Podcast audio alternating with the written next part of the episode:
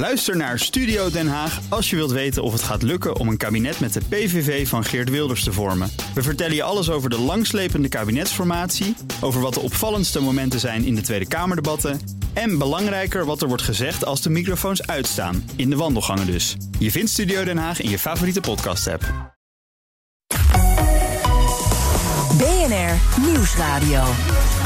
The Big Five. Diana Matroos. Welkom bij BNR's Big Five. Elke dag praat ik één uur lang met één topgast over één belangrijk thema. Zo sprak ik vorige week met vijf kopstukken uit de museumwereld over de diepere betekenis van kunst en over hoe we eh, als musea omgaan met racisme en diversiteit. Al die afleveringen zijn zoals altijd terug te luisteren in de BNR-app. Deze week een hele verse nieuwe week en het draait helemaal om relaties. En dat gaan we op verschillende manieren uitdiepen. De relatie met jezelf, maar ook relaties met anderen, collega's, je buren. Hoe komt het dat we elkaar soms totaal niet begrijpen? En hoe komen we dan weer in een echte dialoog?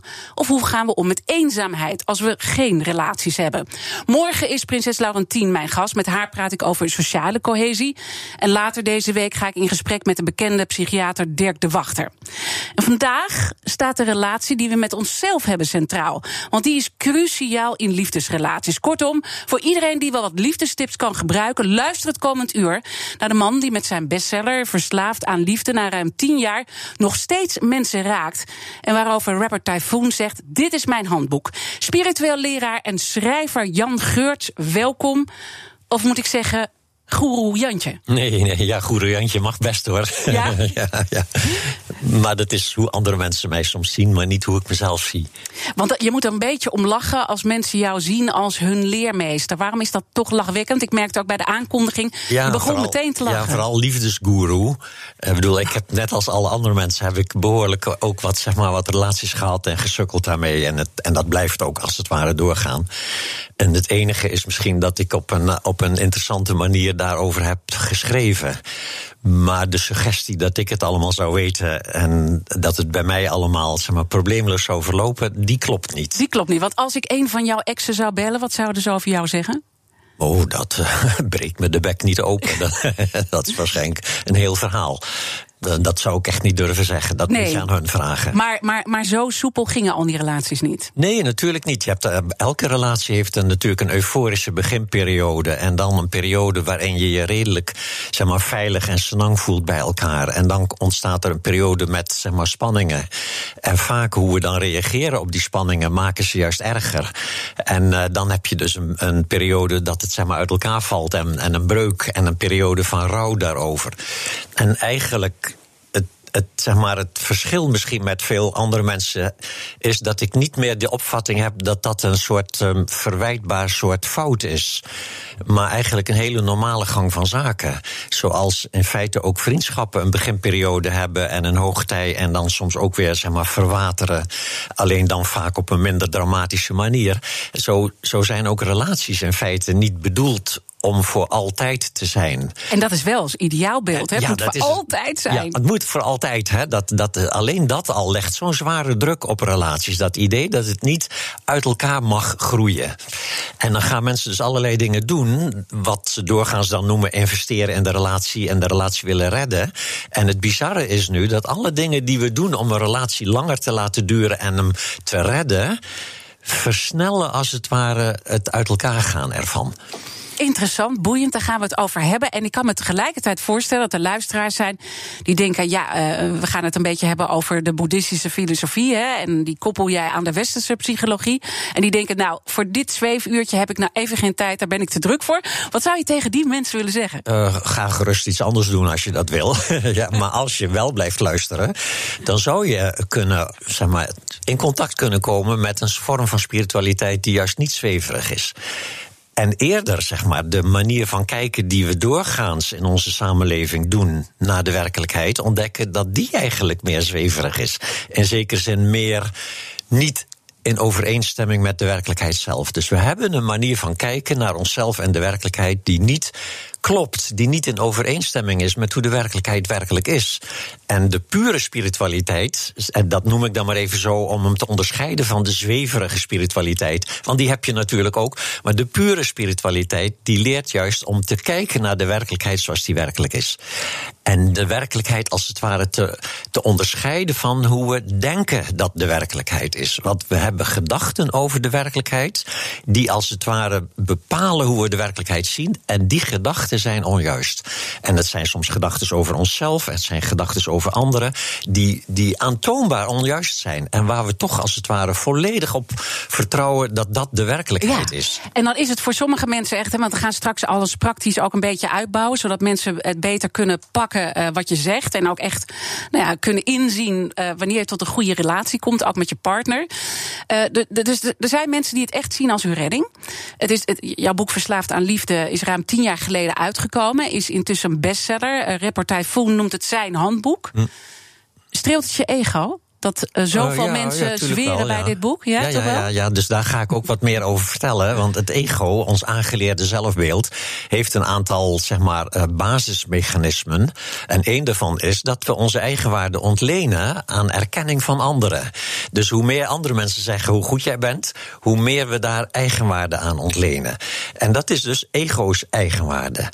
En die eigenwaarde die heeft, eh, die is op een bepaalde manier instabiel.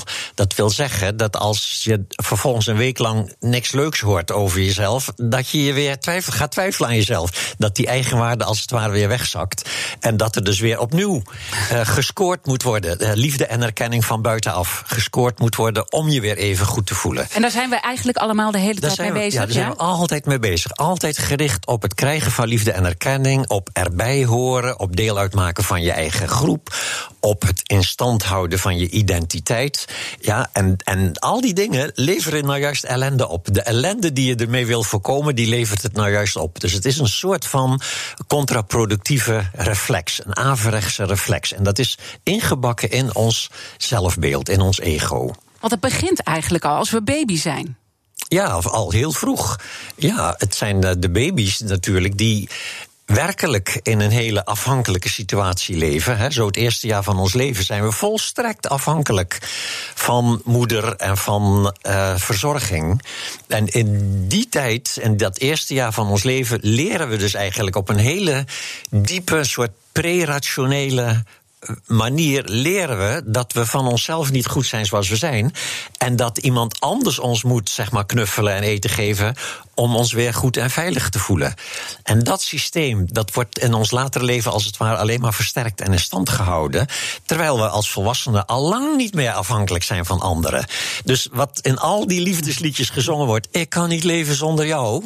Helemaal fout. Ja, is, is, ik bedoel, dat is een gevoel wat we als volwassenen hebben, wat helemaal niet meer klopt bij de werkelijkheid. Maar we voelen het wel echt zo als die ene die er altijd voor je was en ineens is die er niet meer voor je. Dan wordt dat weer getriggerd. Dat, zeg maar, dat, dat hele kinderlijke gevoel in ons van: ik kan niet leven zonder jou. Terwijl je wel je eigen eten in je mond kunt stoppen. Je kunt zelfs naar de wc en je hebt vaak je eigen inkomen nog en zo, weet je wel. Dus je kan echt leven zonder die ander. Maar dat gevoel, dat is zo ingebakken in dat aangeleerde zelfbeeld. En, en we doen alles om dat gevoel maar niet te voelen. En dus gaan we elke dag weer zeg maar, op jacht naar liefde en erkenning van buitenaf. En, en het bizarre is nu dat die liefde en erkenning van buitenaf alleen maar een soort surrogaat is van wat je van binnen al al inherent al in je hebt. Dus er is ook zoiets als inherente eigenwaarde. Waar je dus niet voor hoeft voldoen aan voorwaarden van buitenaf. Die, die is er al. Alleen, daar moet je mee leren in contact komen. En dat kost tijd en oefening. Want is dat dan uiteindelijk de kern, ook wat rapper Typhoon zegt, uh, door dit boek? Hè, want hij ziet dit als zijn handboek. Het heeft zijn ogen geopend en hij zegt: Ik leer daardoor van mezelf te houden. Is dat de kern van jezelf leren houden? Ja, maar dan moet ik dat meteen wel even nuanceren. Want je hebt twee soorten van jezelf houden. En het ene is een soort ego van jezelf houden. Het ego houdt ook van zichzelf als alles meezit. Uh, als je je lekker in je vel zit. Ja, en dat kun je bijvoorbeeld ook hebben als je een dagje sauna gedaan hebt. Hè, dan, zit je ook lekker in je vel en helemaal oké. en dan ben je blij met jezelf en zo. Maar dat is een soort uh, houden van jezelf die toch afhankelijk is van omstandigheden. Als moet, alles moet even meezitten en dan kun je als het ware lekker in je vel zitten. De spirituele houden van jezelf is iets heel anders. Is als het ware onvoorwaardelijk achter jezelf staan, ongeacht of je je lekker voelt of niet. Dus ook als het even tegenzit, ook als je even zagrijnige bui hebt of je eenzaam voelt, en dan toch vriendelijk en liefdevol jezelf blijven omhelzen. Dat is spirituele liefde. The Big Five. Wat gebeurt er? Diana Matroos. Deze week praat ik met vijf kopstukken uit de wereld van relaties. En vandaag is mijn gast spiritueel schrijver Jan Geurt. Want hij voelt zich beter bij die term dan liefdesgoeroe. Maar ik blijf hem er toch een beetje mee uh, plagen. Uh, we hebben net gehad over wat dat geheim is. Hè. Dat heb je in, in basis al benoemd. Het gaat over uh, in je eigen zijn, uh, je zelfbeeld moet goed zijn. Waar gaat het dan vaak mis als het gaat over dat zelfbeeld? Nou, kijk, elk zelfbeeld heeft als kern de belevenissen uh, die we in onze vroege jeugd hebben meegemaakt. Dus ik zei net al, als baby waren we werkelijk afhankelijk. En een babytje, als het even te lang alleen gelaten wordt, raakt in paniek, voelt dus angst. Uh, bovendien, we hebben allemaal een geboorte meegemaakt. Dat kunnen we ons niet herinneren, maar die geboorte was echt traumatisch. Was een ervaring van doodsangst. Dus dat hele aangeleerde zelfbeeld, wat in feite de verzameling is van alles wat je hebt meegemaakt in je leven, tot één seconde geleden, dat is allemaal allemaal je zelfbeeld. Maar de kern daarvan is wat je dus heel vroeg in je leven hebt meegemaakt. En dat is dus die situatie waarbij je volstrekt afhankelijk, machteloos was en je alleen maar goed kon voelen als er van buitenaf wat ingestopt werd.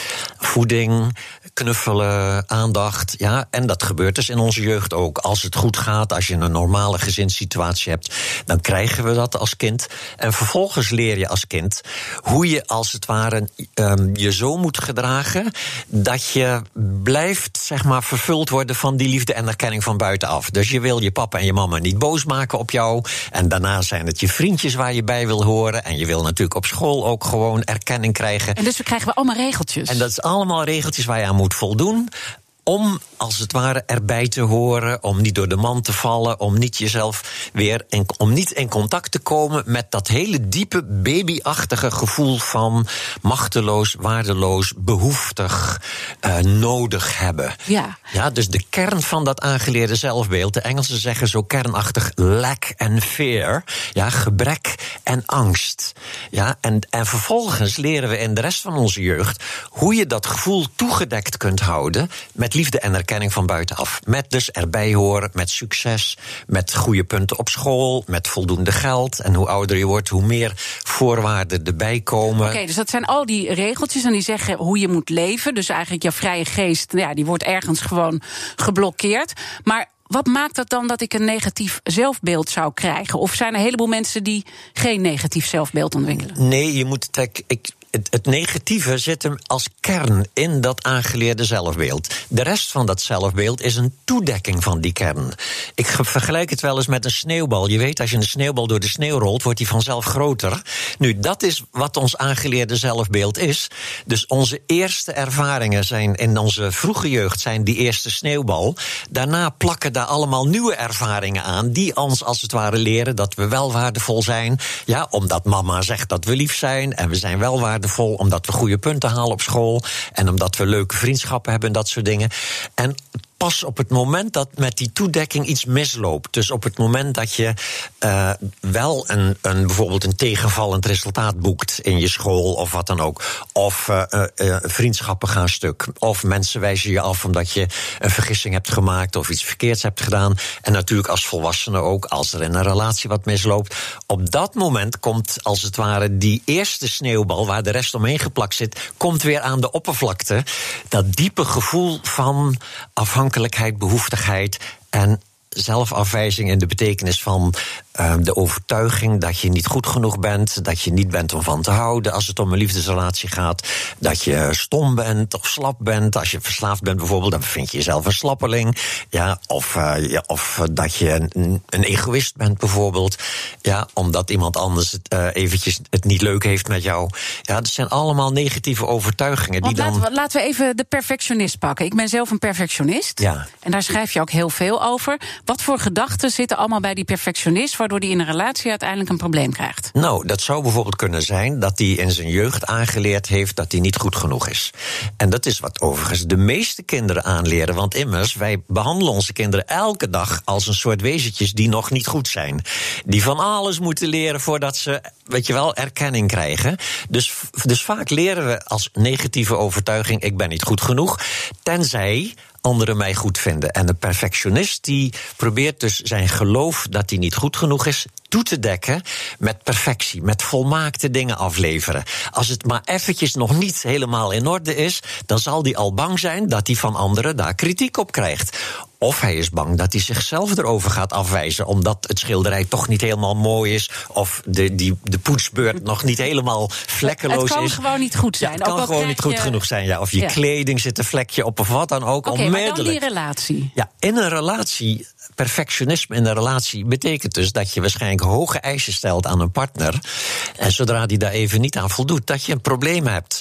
En, dat, en dan zien we dus dat die zelfafwijzing zich richt op datgene wat hem getriggerd heeft. En dat is in dit geval dus je partner. En dan wijs je dus je partner af. Maar eigenlijk ben je het zelf. Ja, zodra je een ander afwijst, is dat eigenlijk altijd een naar buiten geprojecteerde zelfafwijzing. Ten slotte, als je een ander afwijst, ben jij degene die daar het nare gevoel bij heeft. Ja, dus de zelfafwijzing zit ook in anderafwijzing. Ja, alleen je wil de zelfafwijzing niet voelen. En dus is die ander die die zelfafwijzing bij jou getriggerd heeft, die is de gebeten hond. Die is fout bezig. Die moet anders. Die moet veranderen. En zolang je vindt dat een ander de oorzaak is van jouw lijden, en dus de ander moet veranderen zodat jij je weer goed kunt voelen, ben je dus machteloos. Ben, Ja. je, ben je weer in die rol van dat babytje wat maar moet wachten die of erkenning mama eh, nodig komt. Heeft. ja. En die complimentjes eh, nodig heeft. En dus zeg je van, eh, je moet die angst niet meer voelen. Je moet die erkenning eigenlijk niet meer zoeken. Maar als je dat te veel gaat denken, is het ook weer niet goed. Want dan Nee, draai je jezelf nog meer Ja, de hoek want in. dit is natuurlijk weer het hele punt. Zodra je doorkrijgt hoe dat ego werkt, hebben we een sterke neiging om er dan van af te willen. Om te zeggen, oh, dat mag dus niet meer. Oh, ik mag nu geen perfectionist meer zijn. Oh, ik mag nu niks meer veroordelen. En dan kom je in een heel krampachtig soort spirituele correctheid. Ja, sommige mensen komen daarin, doen dan heel erg hun best om nooit meer boos te worden op iemand en zo. Dat is natuurlijk fake. In feite ontwikkel je dan een soort spiritueel correct ego. Het is een nieuw zelfbeeld, ehm, wat als het ware ontstaat als kritiek op het vorige zelfbeeld. Maar dat is niet de spirituele oplossing. De En- en spirituele oplossing is oplossing wel, ja? leren houden van dat ego. Het is niet wie je werkelijk bent, maar het is wel de rol die je hebt leren spelen in de wereld. Ja, dus de dingen die je geneigd bent te doen, de maniertjes die je hebt om erkenning te krijgen, om aardig gevonden te worden, de trucjes die je gebruikt om niet afgewezen te worden in bepaalde situaties, ja, die leren zien. Maar dan niet veroordelen, niet ervan af willen. Gewoon alleen maar kijken. En, en dat kijken, dat is dus een meditatietechniek. Uit het Tibetaans boeddhisme komt dat. Maar overigens in alle spirituele tradities komt die voor. En dat is als het ware oordeelvrij, liefdevol gewaarzijn van alles wat je ervaart. Zonder daar iets zeg maar, aan te veranderen, zonder Ja. het te veroordelen. Wat mij altijd een beetje helpt, want ik zie dan ook wel eens mezelf dingen doen dat ik denk, oh, daar ga ik weer. Hè? Dus ik heb wel genoeg afstand, denk ik, om soms mezelf te observeren van, daar ga ik weer in mijn valkuil. Is dat je er ook een beetje om moet kunnen lachen. Is, is, is dat, is dat wat helpt ja, als je erom dat kan is lachen? zeker een goed begin. Is moeilijk hoor, is Ja, moeilijk ja, om te precies, lachen. moet want, want wat je zegt is, en wat je zegt is, wat denk ik heel veel mensen tegenwoordig hebben, zeker de wat jongere mensen die zeg maar, al heel erg geconfronteerd zijn met van allerlei dingen, die hebben een behoorlijk reflectief vermogen. Die kunnen naar zichzelf kijken. En die zien dan dus inderdaad hun eigen ego-dingetjes en hun eigen angsten en hun eigen zelfafwijzingen en hun veroordelingjes van andere mensen. En vervolgens hebben ze dus die, die bekende neiging om dat dan te veroordelen. En, en de spirituele visie laat dus zien dat dat in feite alleen maar het probleem verergert. Het is een vorm van groei van bewustzijn. Dus je moet een fase door waarin je wel al dingen ziet van jezelf, maar ze nog niet liefdevol kunt omhelzen. Maar dan moet je de juiste spirituele beoefening doen. En die oefening leert jou dus om te kijken naar je eigen ego-trucjes zonder ze te veroordelen en met een begin van humor en met een begin van vriendelijkheid. Maar in de wereld hebben we gewoon slechte mensen, slechte verhalen. Of je hebt uh, een collega, hè, want ik bedoel, je kunt over liefdesrelaties met je partner hebben, maar je hebt ook relaties met mensen op het werk. En dan heb je zo'n irritante, narcistische collega die het leven zuur maakt. Moet je dan maar gewoon ja, een beetje afstand nemen, erom lachen en je schouders ophalen als er sprake is van onrecht? Nou, nee, dat is denk ik niet, uh, niet de bedoeling. De, dus boeddhisme zegt niet dat je jezelf moet veranderen in een deurmat. Hè? Dat iedereen maar over je heen moet gaan lopen omdat je niks terug mag zeggen. Het punt is alleen als je volledig je geïdentificeerd bent met je irritatie over die collega, met je wrok zelfs, met je boosheid en dat dan vervolgens dan maar inslikt. Dat is zelfafwijzing. Maar als je die boosheid en die wrok vervolgens tegen die collega uitschreeuwt, als het ware, van wat ben je toch ook een enorme klootzak, dan lost het probleem niet op. Want dan krijgt vervolgens die collega voelt zich dan vervolgens ook weer afgewezen door jou. En die gaat dan weer jou terug afwijzen. En zo ontstaan dus zeg maar ruzies en oorlogen. Terwijl we dat helemaal niet doorhebben dat we met die processen bezig zijn. Ja, Tenminste, sommigen eh, misschien wel. Door, maar... ja, dat, dat, dat een ander verwijten dat jij je naar voelt. Dat is eigenlijk hier het punt. En de ander kan wel de aanleiding zijn van jouw nare gevoel. En dat moet ook niet ontkend worden. Maar als je ziet dat het nare gevoel zichzelf zelf, zelf eigenlijk zich uitsluitend in je geest afspeelt. En je kunt het eerst met enige lichtheid en humor omhelzen. Dan lost het als het ware de, de wrok eruit lost op.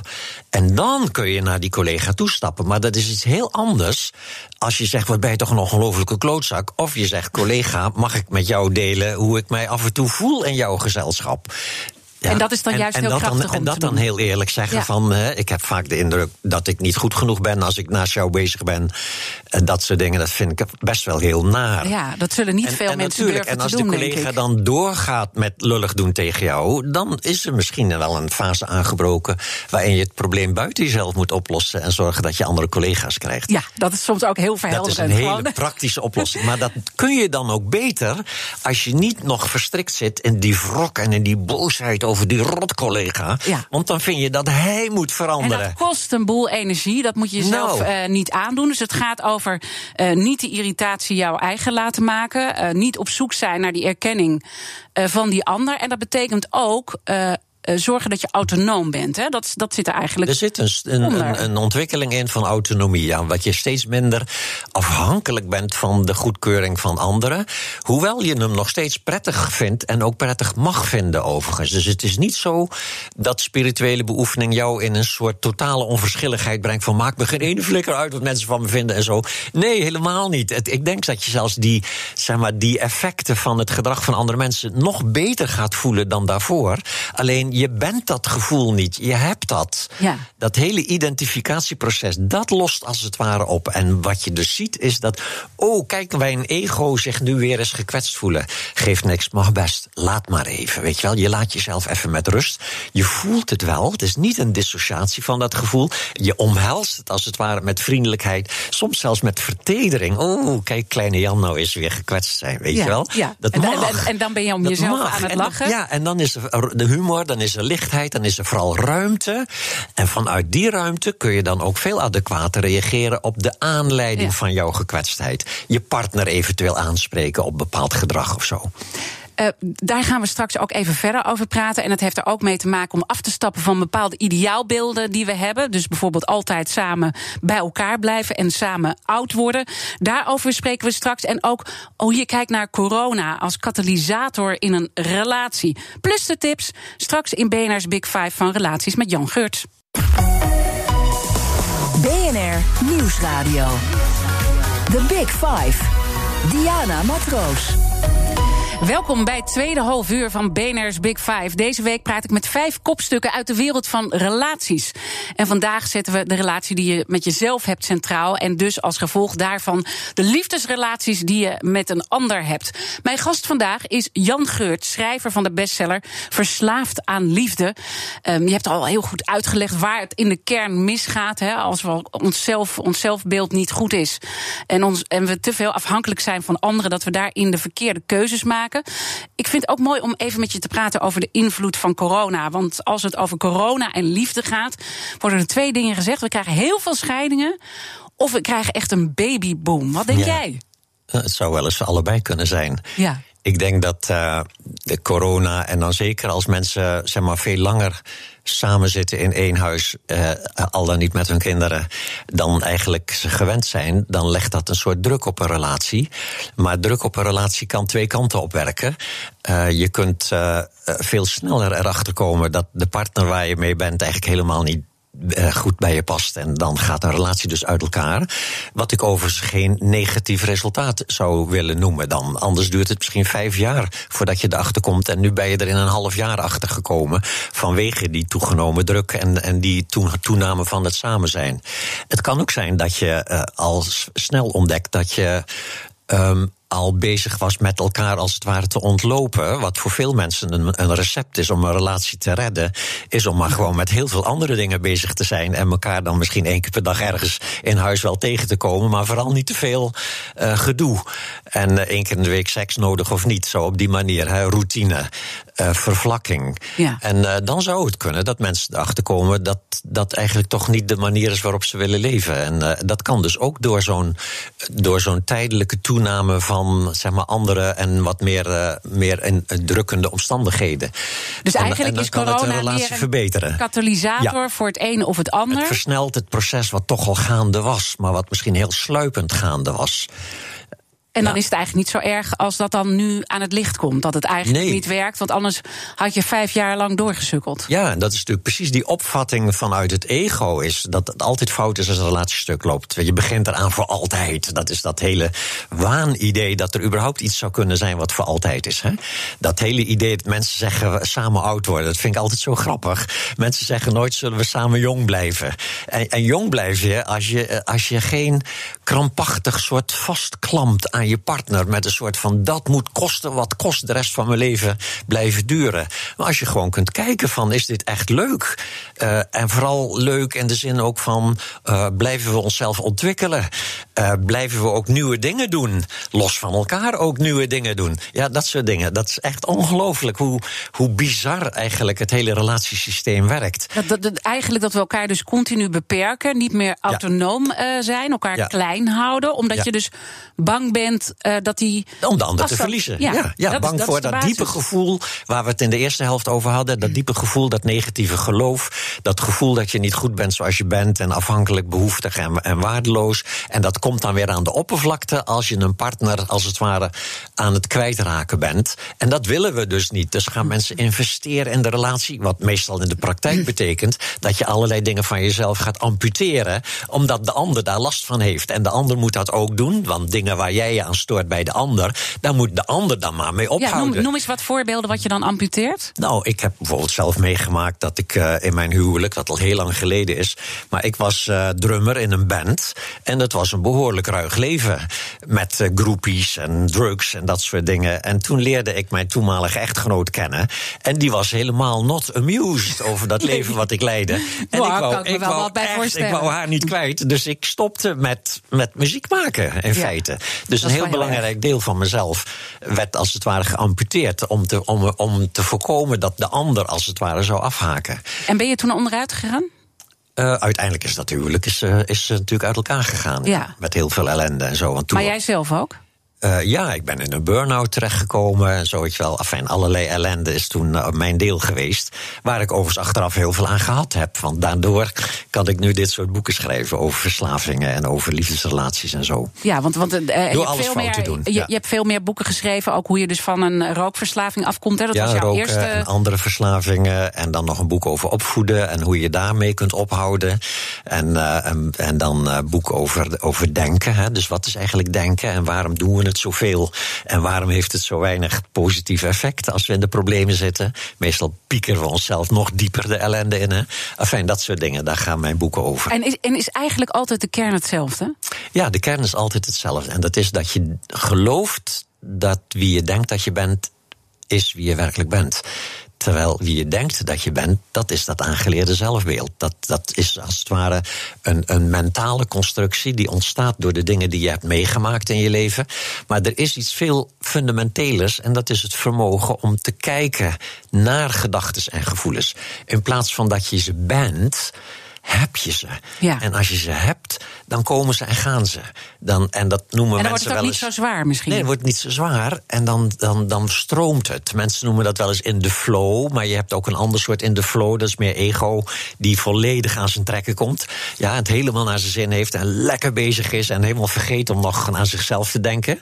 Ja, en je hebt een soort spiritueel flow en dat is dat alles er mag zijn zoals het is. En alles dus doorstroomt, omdat er geen dingen zijn waar je je tegen verzet. Ja. Die daardoor. en, dat, en dat vinden we dus eh, best wel moeilijk, hè? De- denk ik, in de ja. westerse wereld vinden we dat lastig. Heb jij nou hoop dat dat door deze hele moeilijke coronatijd dat het beter wordt? Dat we ook een moment van bezinning hebben? Of zijn we dat al lang weer kwijt? Mm, Kijk, eh, telkens als er iets naars gebeurt, dan, dan ontstaat er enige groei van bewustzijn. Dat is altijd zo. Eh, zowel in een individu moet er eerst narigheid gebeuren voordat er iets wakker wordt in jou. Maar ook samenlevingen hebben die neiging. Zoals je bijvoorbeeld zag na de Tweede Wereldoorlog ontstond ineens een beweging van de algemene rechten van de mensen. Die overigens nog volop, zeg maar, met voeten getreden worden. Maar ze zijn er in ieder geval al. Ja, en eh, zo zal ook deze, deze vrij kleine crisis, deze coronacrisis, in zekere zin wat bewustzijn doen ontwaken. Zoals bijvoorbeeld hoe belangrijk het is om elkaar te knuffelen. Nu dat Niet veel kan. minder kan, ja, als het ware, dat soort dingen. Hè. Dus nabijheid, hoe Maar, maar, belangrijk maar zullen we nabijheid eh, is. dan ook weer, omdat we dus nu zo eh, afstand van elkaar moeten nemen. En je zegt zelf, we willen veel meer dat, dat knuffelen met elkaar eh, hebben. Kan het dan ook weer juist zijn dat we afhankelijker van elkaar gaan worden, omdat we nu zo elkaar missen? Nee, die afhankelijkheid die was er natuurlijk al en hij komt nu wat meer aan het licht. Nu je ineens even bepaalde dingen niet meer mag. En dan kun je bijvoorbeeld zien ook dat je daar dan verschrikkelijk onder gaat lijden. Dat mensen in een soort somberheid terechtkomen omdat ze te weinig mensen zien nog. Omdat ze te weinig aanraking nog ervaren.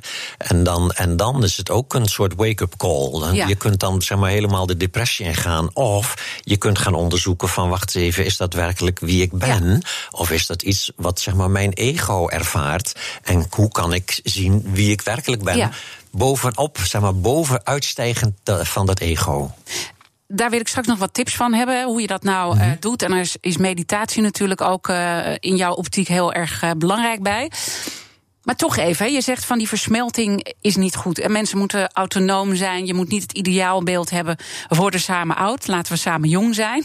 en er ook elk moment mee kunnen stoppen. Dat is helemaal niet eh, erg. Ja, maar zonder, de, zonder een soort vrijblijvendheid van. Als Oh het ja, even, dat wou ik net zeggen, Als ja. het even lullig wordt, stoppen we ermee. Ik geloof ook niet dat mensen dat zouden doen ook. Maar dat, vaak is dat een soort kritiek op hè, van mensen die wel tot hun dood bij elkaar blijven of willen blijven.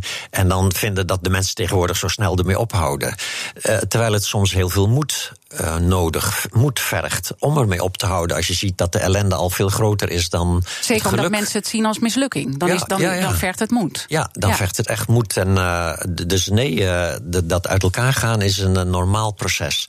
En, en mensen Maar bij zullen. elkaar blijven kan natuurlijk ook een normaal proces zijn. Hè? Want zie je wel dan de positieve punten dat je ook wel samen kunt blijven. Ja, en ja, toch ja. een bepaalde versmelting kunt hebben. Ja, en, en dat is dus wat ik in mijn boeken de spirituele liefdesrelatie noemt. Juist het feit dat je ook op mekaars diepste angstknoppen kunt drukken, betekent ook dat je elkaar kunt helpen om zelfstandiger te worden.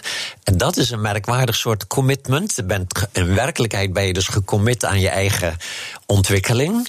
Maar je helpt elkaar daarbij. En, dat is, eh, en, en je kunt elkaar daarbij helpen, omdat je ook op elkaars diepste knoppen van zowel geluk als eh, verlatingsangst kunt drukken. En dan, eh, dan krijg je een heel andere dan dynamiek. krijg je open communicatie. Ja, open communicatie, dan krijg je relaties die als het ware bijdragen aan elkaars groei. En geef eens een voorbeeld daarvan. Van stel, wij zitten nu in een relatie en het gaat niet helemaal lekker. Hoe zou je dan Nou, open stel met dat, mij ik, stel dat ik bijvoorbeeld eh, inderdaad bang zou worden om jou kwijt te raken, omdat je interesse hebt in andere mannen. Dan zou ik dat met je delen. Dan zou ik niet zeggen, je moet ermee ophouden, want het gevoel daarnaar. Nee, want je bent een volwassen vrouw, weet je wel. Hoe zou ik jou überhaupt iets kunnen verbieden wat jij belangrijk wil, vindt? Hè? En hoe zou ik daarover moeten oordelen van dit mag wel en dit mag niet? In werkelijkheid ben ik alleen verantwoordelijk voor mezelf. Maar dan zou ik dus delen met je van lieverd, ik vind dit best wel heel, heel, heel moeilijk om, uh, om te zien hoe je met die andere man aan het flirten bent, bijvoorbeeld. Ik noem maar wat. Ja, dus zullen we iets afspreken over niet dat je ermee ophoudt, maar bijvoorbeeld zullen we dat dan doen als je ergens anders bent en niet als ik erbij ben. BNR Nieuwsradio. The Big Five. Diana Matroos. Je luistert naar BNR's Big Five van de relaties. Mijn gast is Jan Geurts. Ik noemde je eerder plagend de liefdesgoeroe. Daar moest je zelf erg hartelijk uh, om lachen. Maar hoe zie je jezelf wel in die rol uh, van de liefde? Oh, ik heb dus heel veel, uh, heel veel ellende meegemaakt met relaties. Ook uiteraard hele fijne dingen. En uh, ik, daarna ben ik in aanraking gekomen met, uh, met een spirituele traditie, uh, in dit geval Tibetaans boeddhisme. En, uh, en ik vind het gewoon heerlijk om, om dat wat ik dus en geleerd heb van mijn eigen zeg maar, vergissingen in het verleden. En wat zeg maar, in, die, in die spirituele traditie wordt verteld over ego en wie je werkelijk bent. En dat, om dat te delen met anderen. Het is gewoon heerlijk om erover te babbelen. Nou ja, en, en, en, je, en het doet je ook goed natuurlijk. Hè? Je hebt een aantal boeken die echt uh, nog steeds over de toonbank. Uh, ja. Nou ja, in eerste instantie vliegen en nu, nu nog steeds uh, gaan. Heb je een verklaring daarvoor waarom mensen zo ja, hangen aan jou en ook jou zien als een soort van redding? Mm, ik denk dat het uh, niet alleen bij mij, maar dat er een soort uh, tendens is de laatste zeg maar, 10, 20 jaar. Dat mensen steeds gevoeliger worden voor die spirituele manier van kijken. En dat heeft dan weer te maken met dat zeg maar, de, de traditionele manier van kijken op een bepaalde manier in een soort crisis terechtgekomen is. Uh, jonge mensen het steeds moeilijker vinden om, om zeg maar, dit leven leuk te vinden. En steeds meer zich uitgedaagd voelen tot keihard werken.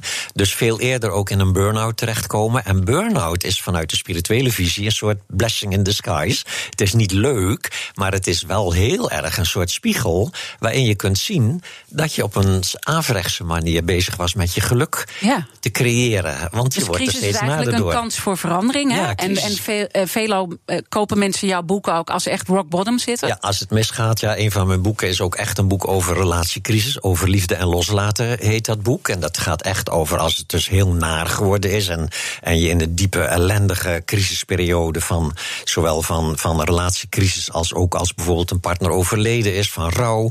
En hoe je daar als het ware een voordeel van kunt maken. Hoe je dat kunt benutten als een soort spirituele doorbraak. Ja. Laten we toch nog eventjes praten om iets concreter nog te worden over de signalen die. Hè, want misschien zijn er nu mensen aan het luisteren waarbij het niet zo lekker gaat in de relatie.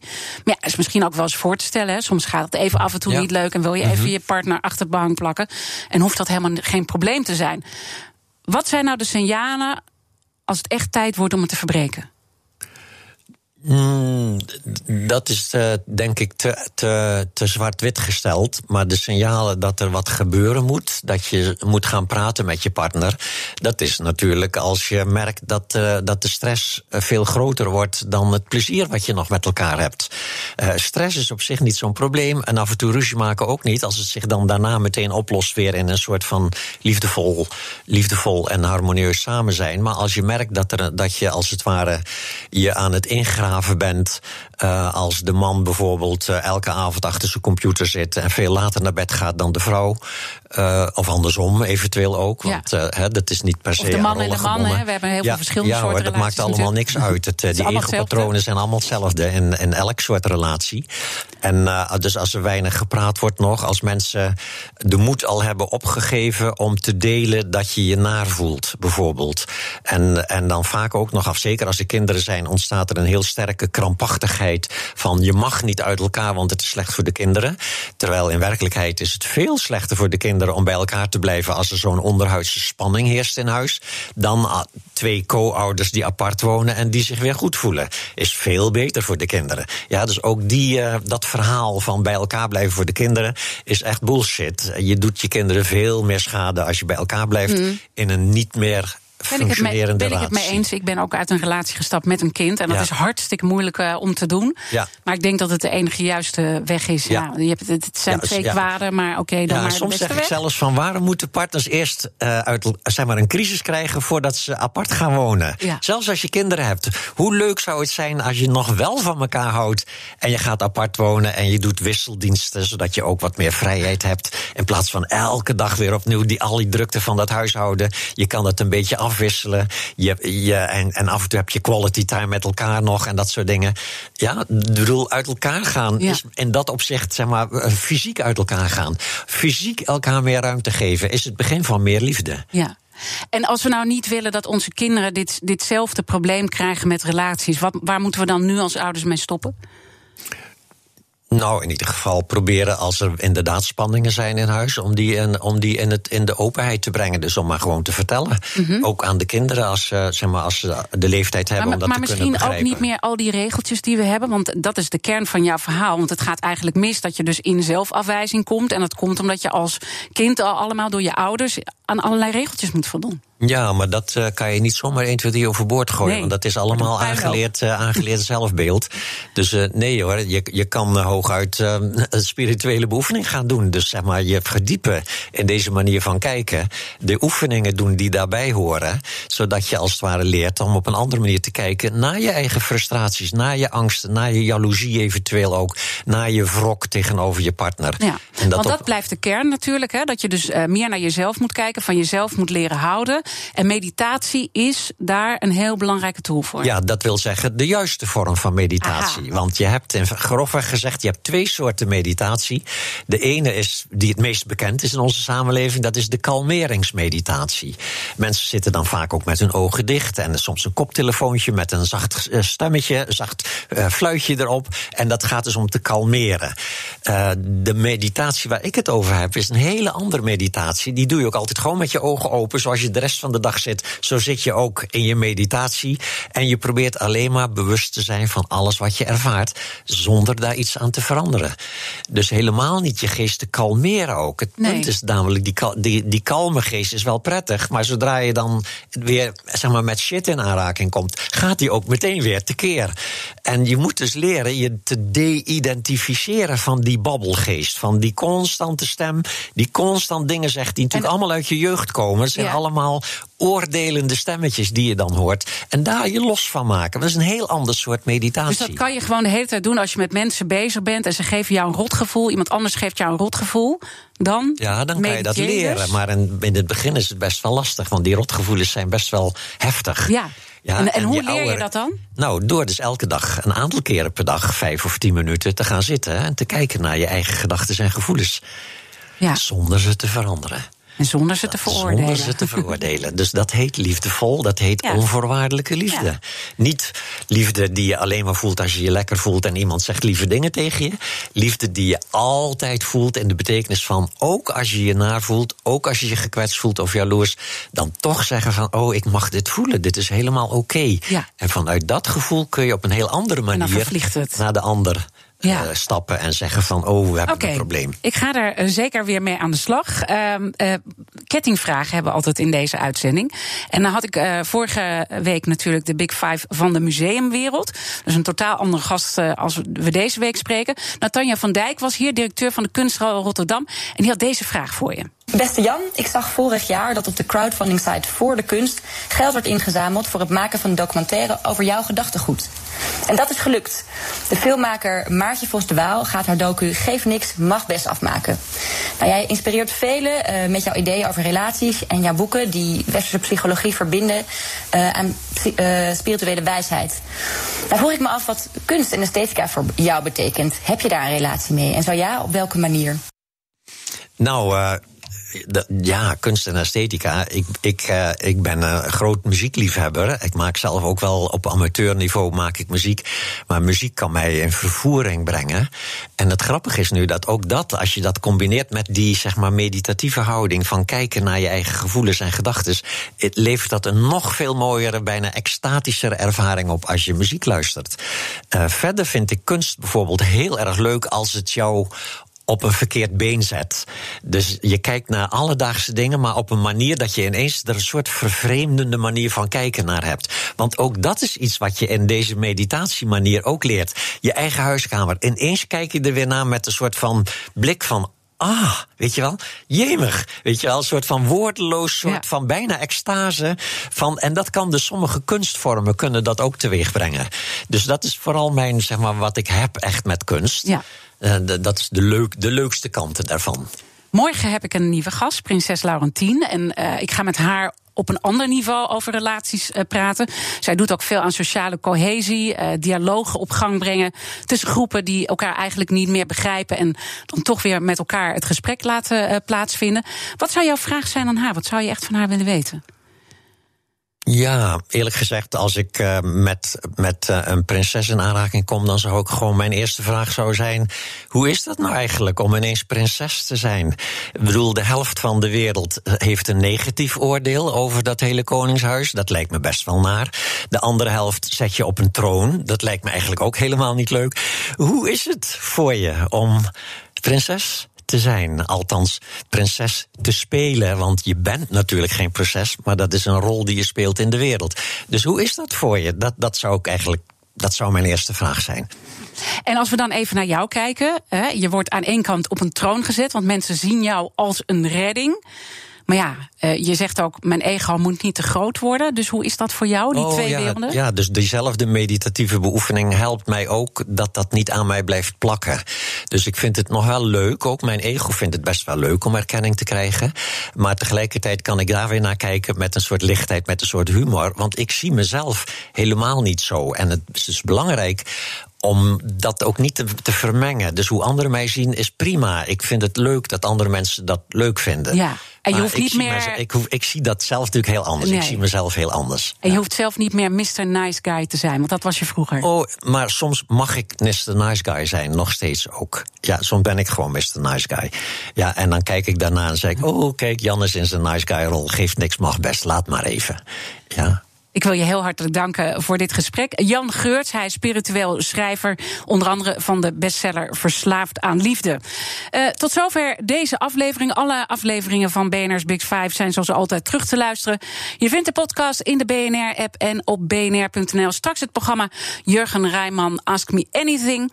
En uh, ja, ik wens iedereen natuurlijk vooral op deze dag hele mooie liefde en een hele mooie relatie met jezelf. Ook Harm Edens vind je in de BNR-app. Je kunt BNR Duurzaam niet alleen live luisteren in de app, maar ook terugluisteren als podcast, zoals al onze podcasts. En naast dat de BNR-app Breaking News meldt, houden we je ook op de hoogte van het laatste zakelijke nieuws. Download nu de gratis BNR-app en blijf scherp.